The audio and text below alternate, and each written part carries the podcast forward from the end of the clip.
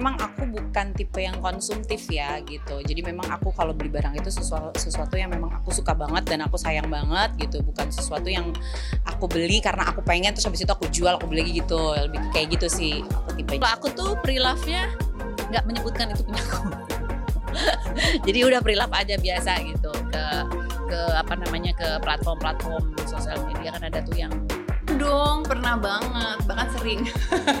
Waktu kayak misal oh tas ini bagus nih lagi tren terbaru 2021 2022 gitu. Jadi aku menjual barang-barang yang mana bisa aku jual untuk aku membeli yang baru gitu. Nggak baru juga sih aku juga kalau beli barang pre love juga.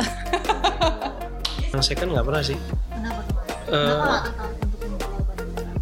karena nggak ada barang yang perlu dijual. Biasanya barang-barang yang udah nggak kepake kayak contohnya ada beberapa jas-jas yang satu style gitu suit kayak gitu.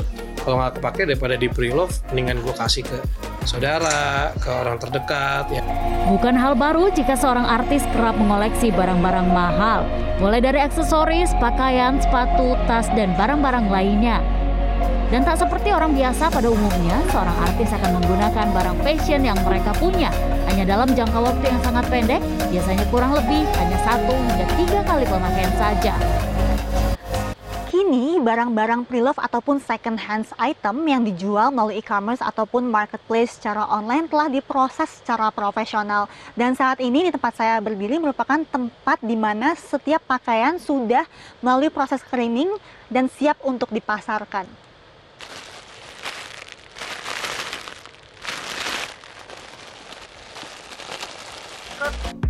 Dan hal ini menjadi salah satu peluang bisnis yang menarik untuk dijalankan. Dan sudah bukan rahasia lagi bahwa ternyata bisnis pre-love barang-barang dengan brand atau merek terkenal, apalagi pernah dipakai oleh seorang artis terkenal, kini memiliki untung yang sangat menjanjikan.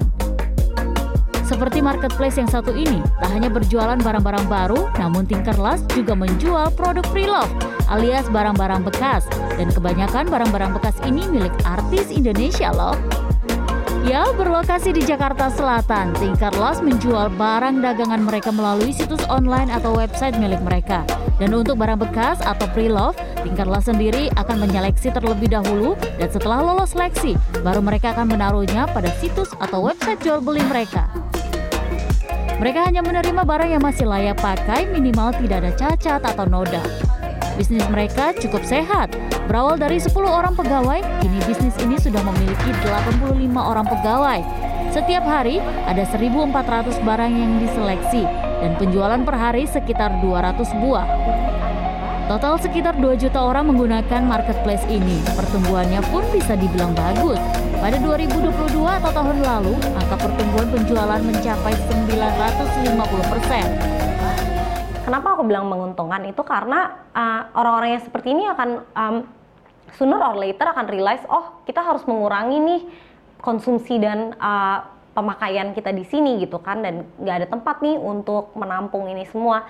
Ya inilah ada Tinkerlust gitu. Kita membantu kalian untuk gimana caranya uh, bikin barang-barang kalian yang sudah tidak terpakai ataupun yang belum terpakai tapi tidak mau dipakai untuk jadi uang kembali yang mungkin nanti kamu bisa melakukan pembelanjaan untuk barang baru lagi kayak itu ibaratnya ya circular sih.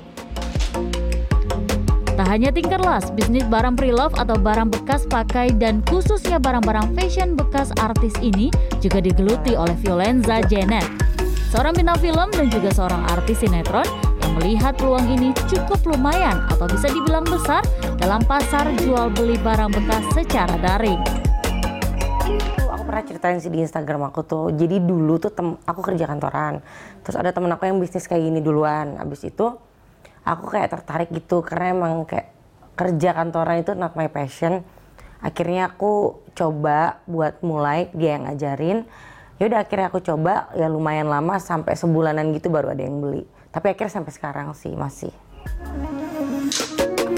Berfokus pada fashion wanita, tas, dan juga sepatu, Violenza mengaku dibutuhkan pengetahuan yang teliti dan cermat dalam menjual barang-barang pre-love. Dan dalam menjual barang-barang pre-love yang dinilai cukup mewah, memiliki tanggung jawab yang cukup besar.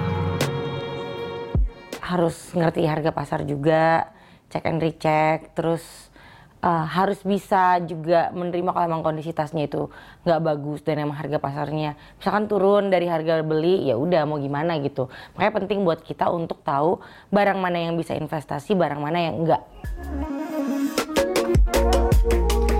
Tingginya peminat barang pre-love atau barang bekas yang diperjualbelikan secara online atau daring ialah selain lebih mudah, harganya pun dinilai beberapa konsumen jauh lebih terjangkau.